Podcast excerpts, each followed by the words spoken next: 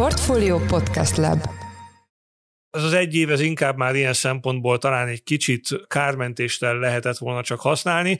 Abban a kormány megtett egyébként elég sok mindent, mert a gazdaságpolitika, de azért látható, hogy azért ennek az összeredménye azért úgy nem tűnik elég, elégségesnek ahhoz, hogy elkerüljük ezt az inflációt. Ugye ezt, hogy te is említetted, ismerjük a számokat, hogy két és félszer magasabb a magyar infláció, mint az Európai Uniós átlag. Mindenkit üdvözlünk, ez a Portfolio Checklist április 3-án hétfőn. Napra pontosan egy éve, 2022. április 3-án rendezték a tavalyi országgyűlési választásokat, ahol Zsinorban negyedszer nyert kétharmados többséggel a Fidesz. Bár az új kormány csak tavaly május végén alakult meg, a választások mai évfordulója jó alkalom arra, hogy áttekintsük a magyar gazdaság elmúlt éves pályáját, és persze azt is, hogy mik ma a legfőbb kihívások, melyekkel szembenézünk. Ma tehát csak ezzel az egy témakörrel foglalkozunk, melyel kapcsolatban Madár István a portfólió vezető makrogazdasági elemzője lesz a vendégünk. Én Forrás Dávid vagyok, a Portfolio Podcast Lab szerkesztője, ez pedig a checklist április harmadikán. Itt van tehát velünk a stúdióban Madár István, a Portfolio makrorovatának vezető elemzője. Szia, üdvözöllek a műsorban. Sziasztok! Kezdjük ott, hogy a, a tavalyi választásokkor 370 forint körül jegyezték az eurót, és az alapkamat 5% alatt volt, most 380 forint egy euró körülbelül, és az irányadó kamat pedig 18%-on áll. Ez alapján így miben különböznek a, a makrofeltételek most és egy éve? Igen, hát ugye maga az árfolyam és a kamatszint összességében csak egy szűk szeretére világít rá, de valóban olyan szempontból ez egy jó kiinduló pont talán, hogy két dolgot megmutat. Az egyik az, hogy a jegybank a nagyon erős inflációs nyomás ellenére sem tudott igazából a forint árfolyam erősítésével ellentartani a nagy árnyomásnak, hiszen azért ugye az mégiscsak az import termékeket tudná mérsékelni, még úgy sem, hogy ezen közben pedig nagyon magasra kellett felemelni a kamatokat, tehát egy nagyon magas kamatszinttel sem tudta igazából erősíteni a forintot, és hogyha nyilván mindenki emlékszik rá, hogy az, az egy év alatt milyen pályát járt be a forint, ha erre gondolunk, akkor nem a 370 és a 380 az izgalmas, hanem a közötte levő 430, és akkor mindjárt láthatjuk, hogy azért ez nem volt egy eseménytelen egy év. Tehát ugye itt a, az energiaválság, az ebből részben ebből részben másokból kipattanó nagyon magas infláció, a magyar gazdaság erős energiakitettsége, energiaimport kitettsége és a költségvetési politika kiköltekezése, ezek mind-mind olyan tényezők voltak, amelyek összességében a magyar gazdaság kockázatosságát is növelték a befektetők szemében. Volt ebben még egy-két talán jegybanki kamatpolitikai baki is, és ezek így összességében azt eredményezték, ugye, hogy hát igazából a világ tíz legmagasabb irányadó kamatszintje között van a magyar, ami azért nem egy gyakori esemény, hiszen azért mégiscsak már egy elég fejlett piacgazdaság vagyunk, és hát igen, ez, ez az a kép, ami nagy nagyjából így röviden el, előttünk áll, vagy igazából ez a 18%-os kamat, és ez a historikusan azért még mindig igen gyengének számító forint árfolyam együttesen azért megmutatja, hogy ez egy eléggé eseménydús és izgalmas egy év volt. Ugye említetted az inflációt, talán erről beszéltünk a, a gazdasági hírek közül a legtöbbet itt a checklistben is, illetve erről írtunk talán a legtöbbet a, a portfólión is. Itt szerinted ugye most a nagyjából tudjuk a számokat, szerinted lehetette volna hatékonyabban küzdeni az elmúlt egy évben az ilyen brutálisan elszálló infláció ellen, vagy ez az elmúlt egy év ilyenkor már igazából csak megszülettek azok a hatások, amik korábbi intézkedéseknek az eredményei? Azt hiszem, ez az egy év ilyen szempontból már eléggé kényszerpálya volt. Egyrészt, ha a rövidebb távú tennivalók figyeljük, akkor azért azt lehet mondani, hogy nyilván az a költségvetési őrült kiköltekezés, ami a választás ürügyén megvalósult, illetve részben a Covid válság miatt, de az nyilvánvaló volt, hogy a végén már csak egy fügefa levél erre a nagy élénkítésre, az biztos nagyon rosszat tett a hazai inflációnak. Ugye a forintot is valószínűleg lehetett volna egy kicsit jobban védeni, ugyanakkor ahhoz már, hogy a forintot jobban lehessen védeni, már nem az elmúlt egy évben kellett volna valószínűleg valamit tenni, hanem a megelőző egy évtizedben csökkenteni az energiafüggőséget, függőséget, és ezáltal ezt a nagyon veszélyes sokkoknak való kitettséget, ami, ami a magyar gazdaság sajátja volt, ezt lehetett volna mérsékelni, és az nyilván az inflációra is hatott volna. Másrészt pedig nyilván a, a forint árfolyamot is jobb, jobb menedzselni egy olyan országban, amelyikben mondjuk stabilabb a makrogazdasági környezet, az energiakitettség egy energiaválságban kisebb, és lehetne sorolni. Tehát az az egy év, ez inkább már ilyen szempontból talán egy kicsit kármentéssel lehetett volna csak használni. Abban A kormány megtette egyébként elég sok mindent, mert a gazdaságpolitika, de azért látható, hogy azért ennek az összeredménye azért úgy nem tűnik elég, elégségesnek ahhoz, hogy elkerüljük ezt az inflációt. Ugye ezt, hogy te is említetted, ismerjük a számokat, hogy két és félszer magasabb a magyar infláció, mint az Európai Uniós átlag. Ez részben nyilván a már emlegetett nagy energiaimport számlánknak köszönhető, illetve ugye még az is kiderült, hogy az élelmiszer árak emelkedésére is sokkal érzékenyebb a magyar gazdaság, és akkor ehhez jött a forintgyengülés, a kormányzati kiköltekezés, a nagy kereslet bepumpálás a gazdaságba a választások környékén. Ezek összességében mértékben fújták föl ilyen magasra ezt a magyar inflációt, ez alapján lehet azt mondani, hogy valószínűleg van olyan, amihez lehetett volna rövidebb távon is hozzányúlni, de azért azt gondolom, hogy inkább azért legalább két évvel ezelőtt kellett volna valamit máshogy csinálni ahhoz, hogy ez ne legyen ennyire kirívóan magas az Európai Unióban. A választások után az egyik legfontosabb kérdés gazdasági szempontból az volt, hogy a költségvetést hogy hozza egyensúlyba a frissen felálló új kabinet. Itt ugye jöttek is kiigazítások olyan június környékén, hogyha jól emlékszem. Ezek mennyire voltak hatékonyak, és jöhet-e még egy kör idén? Amiben egészen biztosak lehettünk már a választások előtt is, hogy lesz egy jelentős költségvetési kiigazítás, hiszen óriási kiköltekezés volt a,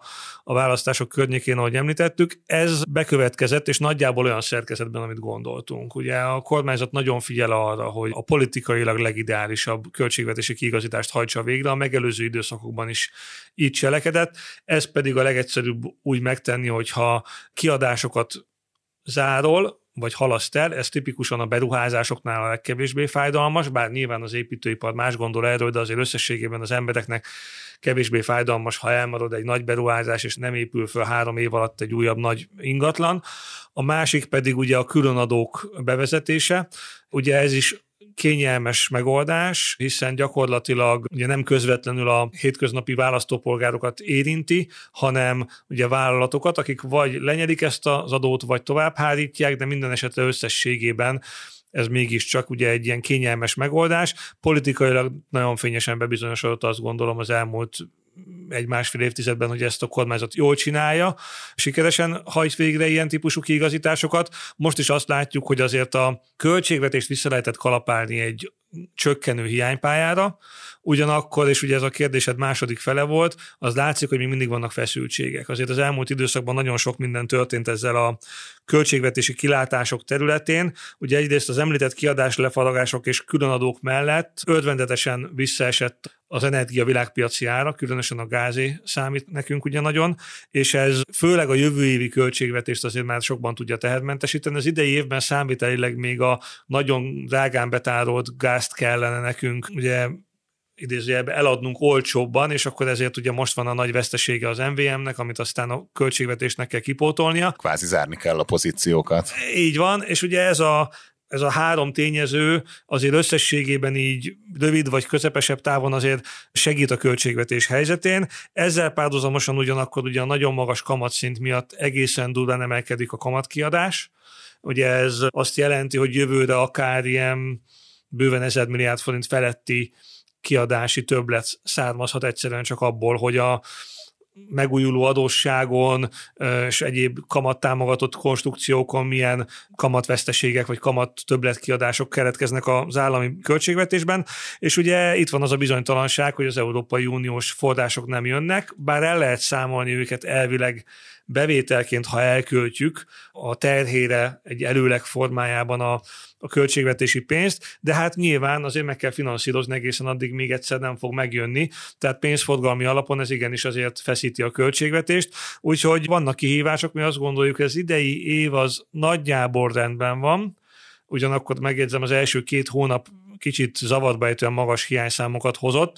Nincs akkor a baj, mint amennyire nagyon magasak voltak ezek a hiányszámok, mert vannak benne egyedi tényezők, de azért egy kicsit megnyugtatóbb lenne, ha a következő hónapok jobban néznének ki, akkor a magabiztosabban állítanánk azt, hogy a, az idei év az tényleg különösebb további kiigazítások nélkül megúszható, viszont egyelőre azt nem látjuk, hogy a jövő évben miért kellene még további kiigazításokat végrehajtani az előbb elmondott determinációk miatt. Akkor a kamat az új gáz? Hát részben igen, ugye kicsit hálátlan a dolog, mert ez is azért egy kicsit lassan reagál, hiszen ha el is kezd csökkenni a kamatszint, a már egyszer beégett kötvényekbe beégett kamatokat ki kell fizetni, hát több éven keresztül is.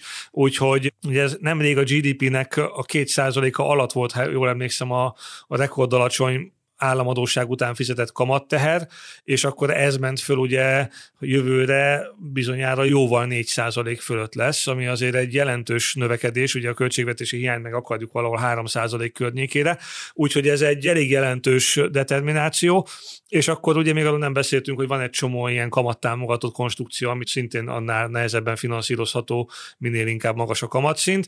Azt gondoljuk, hogy ezért lassan majd el fog kezdeni ezt csökkenni, de ez már a jövő évi költségvetésnek a kamatkiadási sorát azt már nem nagyon fogja megmenteni. Ugye említetted már az EU-s pénzeket, maga az, hogy, hogy nem jönnek ezek a pénzek, ez mennyire hiányzik a magyar gazdaságban, ez így húsba vágó, vagy ilyen nice to have lenne, tehát ezt hova lehet most elhelyezni? Ugye ezzel a témával is nagyon sokat foglalkoztunk az elmúlt egy évben. Hát így van, és borzasztó bonyolult is átlátni, hiszen az látszik, hogy az Európai Unió is úgy gondolja, hogy változtathatja ezeket a szabályokat, meg mindenféle elvárásokat azzal kapcsolatban, hogy mit adjon. Folyamatosan bonyolódik ez az egész kép, ahogy, ahogy horizontális felfüggesztések, különböző mérföldkövek, 10, 20, 27, de akár 100 fölötti feltételrendszer, és ugye ez ezek mind-mind azért nehezítik az átláthatóságát ennek a dolognak, és azért azt látjuk, hogy mintha az Európai Unióban nem nagyon lenne meg a politikai döntés arra, hogy egyszer így teljesen elengedik a kezünket, és azt mondják, hogy mostantól akkor minden pénz megy. És ezért ugye nagyon nem, nem egy 0-1-es játék ez, hogy hát vagy nem jön a pénz, vagy jön a pénz, lehet, hogy valamennyi jön, de az lassabban csordogál. Az is nagy kérdés, hogy a kormányzat milyen politikai engedményeket hajlandó tenni annak érdekében, hogy ez a pénz ez megjöjjön. Ugye az látszik, hogy Persze kell ez a pénz, hiszen ugye csak az idén ilyen 2000 milliárd forint körüli beruházás elhalasztástól döntött a kormányzat. Ezt részben az EU források körüli bizonytalanság is magyarázza, bár alapvetően a költségvetés általános problémái voltak a kiindulók, és hát persze, ha nem jön ez a pénz, azt meg kell finanszírozni. Ebből következően hiába néz ki esetleg jól egy eredményszemléletű költségvetési hiány, a pénzforgalmi igénye a költségvetésnek az ettől még lehet magas, ami ugye folyamatosan nyomás alatt tartja az állampapírpiacot, akkor ott nehezebben esnek a kamatok, ha nagy a kormánynak a, az igénye az ilyen típusú finanszírozásra. Másrészt pedig hát persze a kormány szeretne ugye gazdasági növekedést, szeretne fejlődést fölmutatni a gazdaságban, ami meg úgy ugye nehezebb, hogyha az elmúlt időszakban dübörögtek az állami beruházások, most meg hirtelen ebből egy nagy, nagy visszafogás lesz.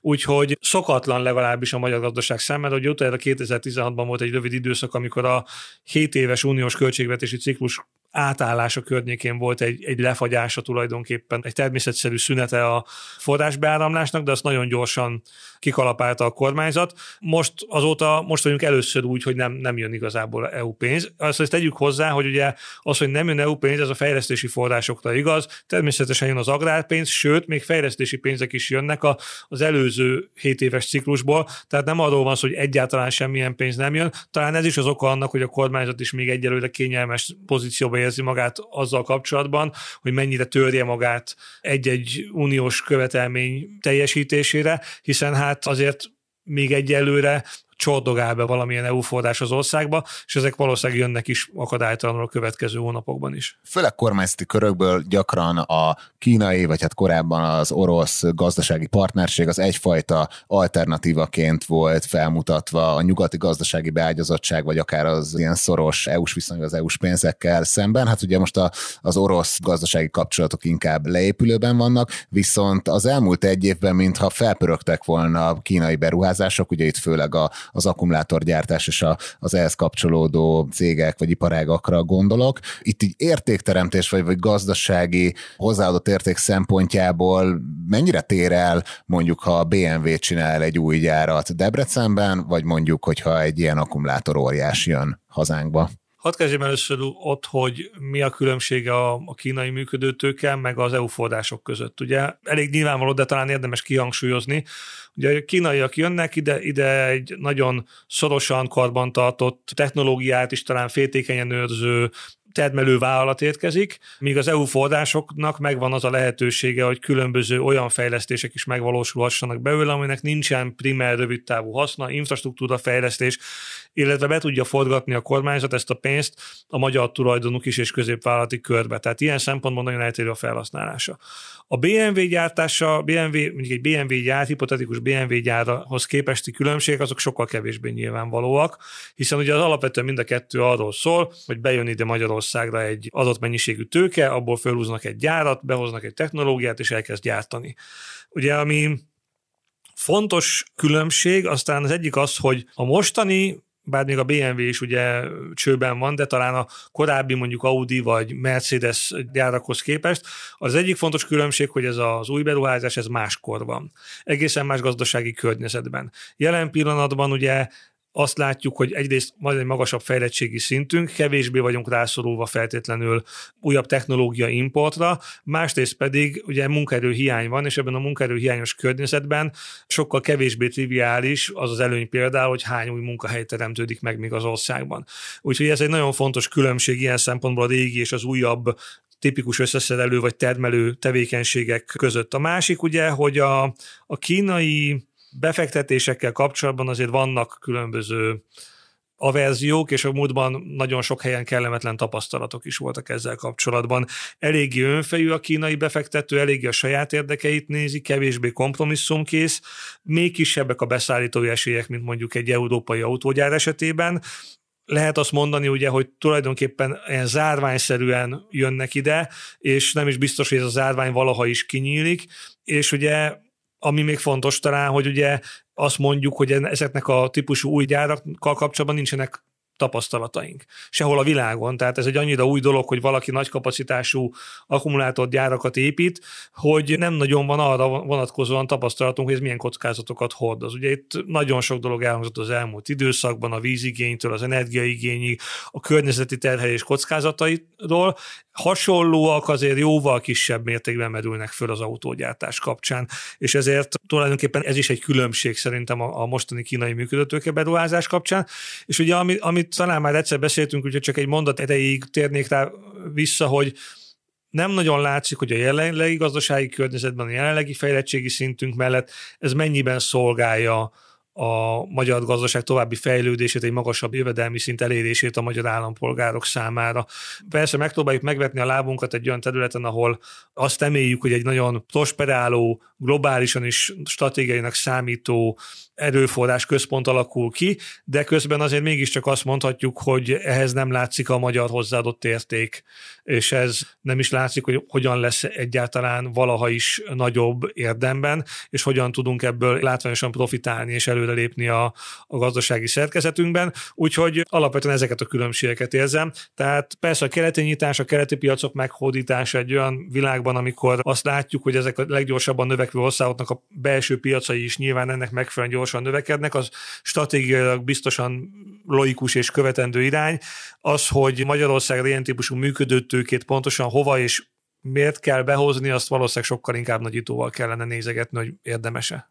Ugye úgy fogalmaztál, hogy még kisebbek a beszállítói esélyek, ez azt jelenti, hogy a, a beszállítói láncra nehezebben kapcsolódnak rá magyar cégek, magyar KKV-k? Igen, igen, ugye erről hallottunk is anekdotikus információkat, mi szerint merev elutasítás volt minden ilyen típusú próbálkozásból, de ha megnézzük a gyártási folyamatot, ugye egy sokkal egyszerűbb gyártási folyamatról van szó, mint mondjuk egy autógyár esetén. Az autó ugye egy nagyon komplex termék, amiben több ezer alkatrészt kell összerakni. Jönnek Magyarországra ugye beszállítók, klasszikus beszállítói a nyugati autógyárak, raknak, de akár kisebb szerencsével, akár magyar tulajdonú cégek is meg tudnak ragadni egy-egy, egy-egy autógyár környékén, ugye a, a kárpittól a fékrendszerig lehetne sorolni. Ehhez képest ugye a, az akkumulátor egy kőegyszerű történet. Nyilván az is egy bonyolultabb műszaki termék, de azért mégis alapvetően ez egy autóhoz képest nagyon egyszerű. Ráadásul a nagy része ugye olyan alapanyagokból készül, ami Magyarországon nem áll rendelkezésre, tehát egyből onnan indulunk, hogy beimportálunk egy csomó anyagot, és valamilyen gép megrakja össze.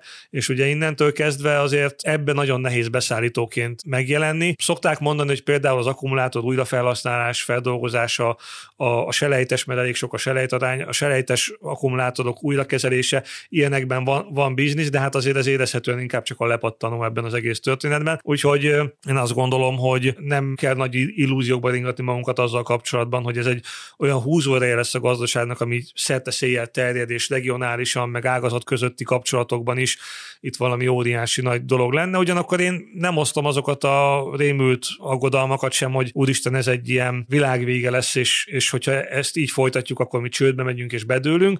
Inkább az a helyzet, hogy nem látszik, hogy ez előre vezető lenne. Egy olyan növekedési, fejlődési stratégiát erőltetünk, aminek már igazából a magyar gazdaság fejlettségi szintje mellett már kicsit vége van. Tehát, hogy mást kellene kitalálni a helyet. Jó, ugye azért ültünk rá most beszélni, hogy körülbelül az elmúlt egy évét a, a kormánynak tekintsük át, vagy legalábbis a, a gazdaságpolitikai aspektusnak. Ugye azt szokták mondani, hogy bizonyos nagy ellátórendszerek átalakítását, tehát az igazán fájdalmas döntéseket azt egy ciklus elején tudja meghozni egy kormány. Ebből a szempontból indultak el folyamatok az elmúlt egy évben Magyarországon. Az egészségügyben igen, ott ugye egy elsősorban központosítást a törekvő és a meglévő erőforrásoknak egy reményeik szerint hatékonyabb allokációjára törekvő átalakítás indult el. A koncepció egésze nem mindenki számára átlátható, a rendszerben dolgozók sem tudnak vele feltétlenül mindig azonosulni, de elég sok fontos hiányosságokat és problémákat azért azonosított a döntéshozás, szerintem azért ez mindenképpen jó. Ugye van egy az ügyeleti rendszer, a házi orvosok részvétele, a mentőszolgálat szerepének erősítése, és lehetne még sorolni, ezekkel ugye kapcsolatban vannak előrelépések, de nyilván minden ilyen változtatás érdekeket sért, vannak problémák vele, illetve ugye ami a legfontosabb probléma, hogy a központi kérdés nem tudja rendezni, kevés a munkaerő, kevés a szakápoló, kormányzati pénzek sem nagyon vannak ilyen költségvetési helyzetben az óriási fejlesztésekre, úgyhogy jól látható, hogy ebben az állapotban azért nehéz az erőforrások újraalokálásával csodát tenni, ha egyszer maguk az erőforrások szűkösek. Valóban az előző kérdés egy logikus átmenet is volt a mostani, hogy a nagy ellátórendszereket hogyan javítsuk, hiszen ugye a fejlődésnek valahol a, a veleje az a képzett és egészséges hazai munkaerő, amelyik önálló ötletekben, innovációban bővelkedve segít a magyar gazdaságon és húzza fölfele. Ugye ebből a szempontból az egészségügyben, mint mondtam, ilyen felemás dolgok történnek, az oktatásban ugye jól látjuk, hogy ott semmi. Ott ugye elvileg várunk az uniós pénzre, ugye a óriások a feszültségek az egész rendszerben, az oktatási ügyben, a, a tanárbérek kérdésében, ott nem nagyon látszik az, hogy a, a hazai oktatás előre menne. Ugye pont abban a fázisban vagyunk, ahol az oktatásnak szinte ilyen ilyen sugárszerűen kellene most hirtelen növekednie, javulnia a kimenetének, a minőségének, hiszen az létkérdés ebben a fejlődési szakaszban, hogy a kimenet, tehát az a minőség, amit kiad magából a, a magyar oktatási rendszer, az egyre jobb és jobb legyen. Ugye hát itt igazából még a stagnáláshoz is kicsit hunyorognunk kell. Azért az látszik, hogy nagyon sok területen, különösen az alapfokú és középfokú oktatásban nem látszanak azok az előremutató jelek, amelyekkel abban lehetne bízni, hogy, hogy nagyon sok kiművelt emberfő lesz majd az országban, és ezek majd tömegében is, illetve egy-egy zseniális ötleten keresztül a magyar gazdaságot nagyon látványosan tudnák húzni. Záró témám, hogy bár a választások ugye egy éve voltak, de hát most már 13 éve folyamatosan Orbán Viktor vezette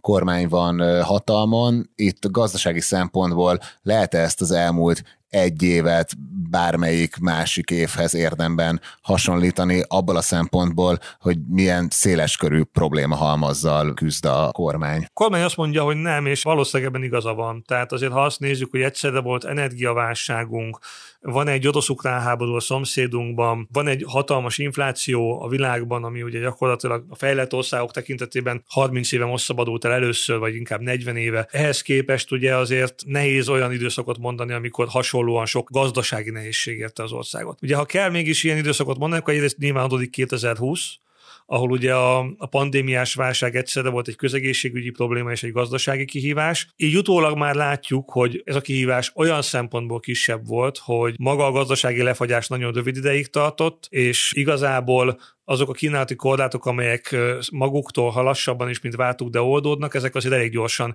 visszatérítették a gazdaságot a korábbi teljesítményi szintre. Tehát ha csak gazdasági szempontból nézem a dolgot, akkor talán az egy egyel kevésbé komplikált megoldás volt. Az idei gazdasági problémákat, vagy a 2022-23-as gazdasági problémákat, mint említettem, azért nehezítette a, a gazdaságpolitika néhány baklövése is, ugye különös tekintettel a, a látványos kiköltekezésre, és ugye ilyen szempontból talán még a, az az év, ami ami hasonlóképpen ilyen nagyon nehéz, az a 2010-11-es időszak lehetett. Ugye már jócskán túl voltunk a Lehman válságon, ugye az 2008-9-ben volt, itt volt benne az IMF is, tehát igazából klasszikus finanszírozási problémánk, vagy olyan kihívás, ami mondjuk a pénzügyi stabilitást alapjaiban fenyegette, nem volt 2010-ben.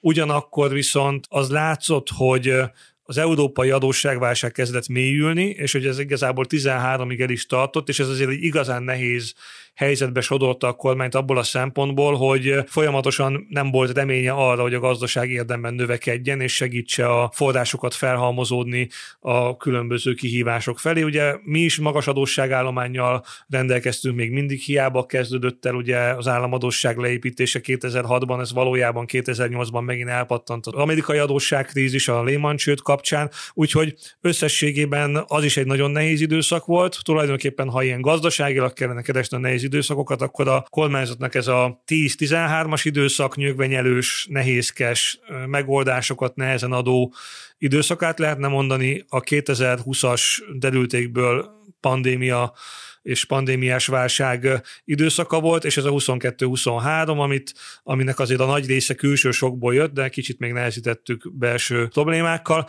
és az a kérdés, hogy ezek közül úgy melyik nyom nagyot, vagy melyik sújt minket elég jelentősen, akkor mondhatjuk azt, hogy a mostani sok szempontból a legnehezebb időszak. Ugyanakkor, ha azt nézzük, hogy a gazdasági teljesítmény, de milyen kilátásaink vannak, akkor azt látjuk, hogy ugye egy néhány negyed éven keresztül elhúzódó enyhe recesszió az, ami most kinéz, ez azért nem egy olyan nagyon tragikus gazdasági teljesítmény, fájó egy felzárkózó országnak, különösen fájó, mert lehet, hogy ez a növekedés ez kisebb lesz, mint az eurozónáé, legalábbis néhány negyed éven keresztül a régiós országok lehet, hogy gyorsabban fognak növekedni nálunk, de azért összességében nem arról van szó, hogy egy ilyen óriási pénzügyi instabilitás és csődveszély fenyegetne az országban, úgyhogy ennek kapcsán meg azt lehet mondani, hogy egyike a nehéz éveknek ez a 23. A jó hír az, hogy talán azért az év második felében egyre inkább látjuk majd ebből a kijövetelt. Ha nem éri újabb sok a gazdaságot, akkor azért a bérek vásárló erejének esése meg fog állni, a költségvetés is talán elkezd kiegyenesedni egy kicsit, ha az EU pénzek is jönnének, az nagyon szépen néz neki. Reménykedünk abba, hogy azért az európai gazdaságok is az energiaválságból kijöve, kijöve elkezdenek elénkülni, ami a külső piacainkat segíti.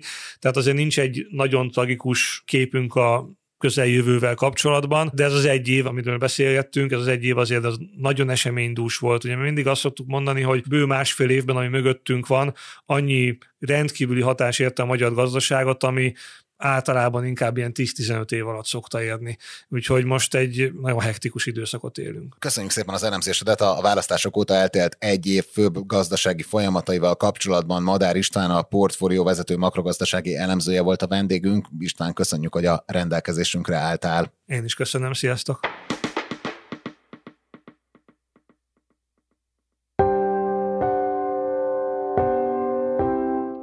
Ez volt már a Checklist, a Portfolio munkanapokon megjelenő podcastje. Ha tetszett az adás, iratkozz fel a Checklist podcast csatornájára bárhol, ahol podcasteket hallgatsz a neten. A mai adás elkészítésében részt vett Bánhidi Bálint, a szerkesztő pedig én, Forrás Dávid voltam.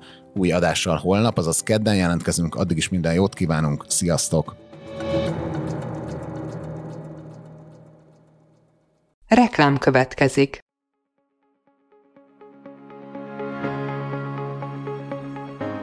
Nagy Bálint vagyok, a 2024-es Retail Day konferencia főszervezője. A rendezvényt a Pénzcentrum és a Portfolio közösen tartja április 11-én Budapesten, a Radisson Blue Béke Hotelben. A délutáni eseményen a magyar kiskereskedelmi szektor szereplőinek segítségével tekintjük át az iparág legfontosabb kérdéseit. Szó lesz többek között a bolthálózatok előtt álló kihívásokról, a legapróbb üzletek és webshopok helyzetéről, valamint az ágazat számára különösen problémás makrogazdasági trendekről is. Jöjjön el ön is, további részletek és jegyvásárlás a portfolio.hu per rendezvény oldalon.